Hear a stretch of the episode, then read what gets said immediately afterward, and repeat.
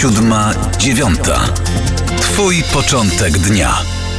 A kolejnym gościem poranka 7.9 będzie pan Andrzej Kubisiak, zastępca dyrektora Polskiego Instytutu Ekonomicznego. Dzień dobry. Dzień dobry. Wiele się dzieje w, w polskiej polityce, wiele się dzieje oczywiście rzecz jasna w światowej polityce, ale także w gospodarce. Mam na myśli oczywiście sankcje, które są nakładane jedna po drugiej na Federację Rosyjską za inwazję na Ukrainę. O tym bym chciał chwilę porozmawiać, także oczywiście o zależnościach między polską a rosyjską gospodarką, bo te są chyba wydaje się coraz mniejsze, ale może zacznijmy od tego, co jest aktualne, czyli od dzisiejszego dnia. Wydaje się, że Rosja zaczyna odczuwać pierwsze sankcje. Giełda w Moskwie pozostanie zamknięta do godziny 15 czasu lokalnego, czyli do godziny 13 w Polsce. Rubel leci na łeb na szyję, ropa drożeje.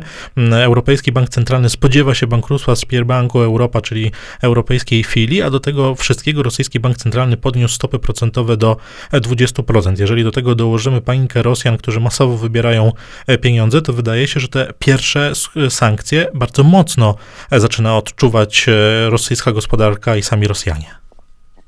Powiedziałbym, że nie pierwsze, ale raczej te weekendowe, bo reakcja na pierwsze sankcje e, na piątkowych giełdach była dosyć dobrze wyceniona, że one były e, po prostu słabe. Ich oddziaływanie to byłoby wpływ na rosyjskie PKB poniżej 1% punktu procentowego.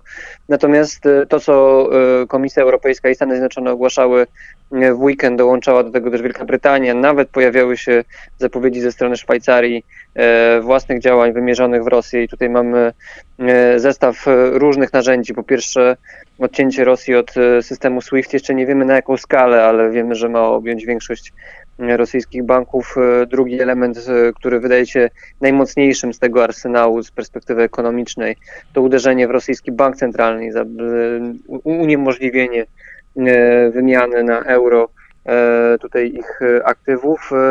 No trzeci element, który się pojawił to uderzenie w oligarchów właściwie w całej Unii Europejskiej.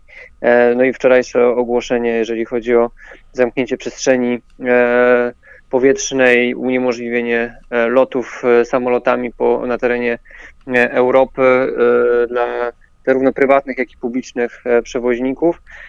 No i tutaj mamy jeszcze te dodatkowe elementy już związane mniej ze stroną gospodarczą, czyli e, kwestie mm, potencjalnego dozbrojenia Ukrainy przez e, Unię Europejską. I co bardzo ważne, wczoraj się pojawiły też głosy ze strony przewodniczącej Komisji Europejskiej, że będą również sankcje gospodarcze wymierzone w drugiego agresora, więc w Białoruś i to są elementy, które będą wpływać w najbliższym czasie po pierwsze na panikę związaną z E, sytuacją ludności tych krajów, ale również e, E, no będzie to e, pewna równia pochyła, która będzie kierować te gospodarki w stronę recesji. Właśnie, słusznie pan mnie sprostował, bo oczywiście te pierwsze sankcje były bardzo łagodne i nawet e, rosyjska gospodarka je odczytała pozytywnie, ale tutaj ten drugie uderzenie faktycznie jest bardzo dotkliwe. Wspomniał pan o odcięciu od systemu SWIFT. No właśnie, bardzo dużo się o tym mówi w przestrzeni medialnej, mówi się o tym dużo w mediach, a także przez weekend obserwowaliśmy te zabiegi dyplomatyczne, by rzeczywiście Rosja od tego systemu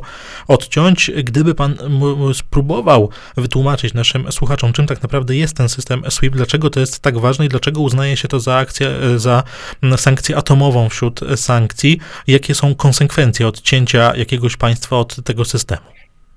Ja mam poczucie, że e, ten element e, urósł do pewnej rangi symbolicznej, ze względu na to, że trudno było znaleźć porozumienie e, co do tego działania. Ono ma charakter, bym powiedział, mocno destrukcyjny dla systemu finansowego. On uniemożliwia przeprowadzania transakcji finansowych pomiędzy bankami. Jest to pewien mechanizm, który po prostu przyspiesza te operacje. Jeżeli on jest odcięty i wyłączony, takie operacje trwają wielokrotnie dłużej. Trzeba zamiast sięgać po system SWIFT właśnie, a więc pewną aplikację e, do takich rozliczeń, e, no trzeba to robić mailowo albo telefonicznie bądź faksem. No to dosyć mocno utrudnia funkcjonowanie sektora finansowego. To utrudnia też realizację rozliczeń pomiędzy prywatnymi przedsiębiorstwami. E, więc e, jest to w jakimś stopniu miecz obusieczny, tak? Na takiej zasadzie, że e, europejskie firmy, które działają na terenie Rosji, będą miały duże problemy, żeby rozliczać te transakcje pomiędzy własnymi filiami czy spółkami, no ale jest to bezpośrednie uderzenie w podbrzusze też gospodarki rosyjskiej, chociaż jego oddziaływanie nie jest długoterminowe, to jest raczej mechanizm, który można obejść, w jakim stopniu go zastąpić systemami rozliczeniowymi, na przykład chińskimi.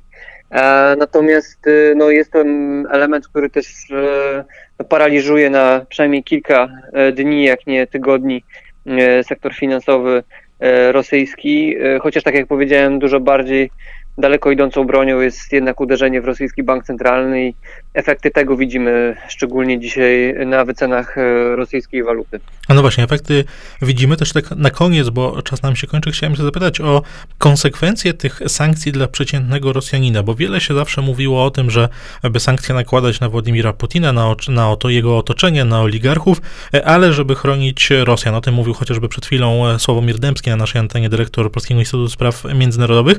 Tymczasem teraz te sankcje uderzą także w Rosjan jako takich, więc jakie te wszystkie sankcje, które do tej pory nałożono, mogą mieć, czy będą miały konsekwencje dla przeciętnego Rosjanina? No w pierwszej kolejności trzeba powiedzieć, że to deprecjacja waluty, a więc osłabienie rubla będzie powodowało gigantyczny wzrost inflacji e, w, w Rosji. E, dodatkowo ran na banki może po prostu doprowadzić do zachwiania systemu bankowego, e, co też będzie wpływało na oszczędności E, Rosjan. E, trzecim elementem no, jest e, prawdopodobna bardzo silna recesja w tym roku w Rosji. To nie tylko w tym roku, bo jeżeli ta sytuacja się utrzyma, to prawdopodobnie będziemy obserwować niedługo też obniżone ratingi do śmieciowych poziomów, więc będzie problem z prowadzeniem w ogóle biznesu, znalezieniem finansowania dla Rosji, czy to pod obecnymi władzami, czy, czy, czy jakimikolwiek kolejnymi. I no, ta recesja i to, to uderzenie w gospodarkę będzie miało długotrwały charakter, więc z perspektywy perspektywy e, samych obywateli rosyjskich to też będzie bardzo trudny czas. I tutaj postawmy kropkę. Moim i Państwa gościem był Andrzej Kubisiak, zastępca dyrektora Polskiego Instytutu Ekonomicznego. Bardzo dziękuję za rozmowę. Dziękuję serdecznie. Siódma, dziewiąta. Twój początek dnia.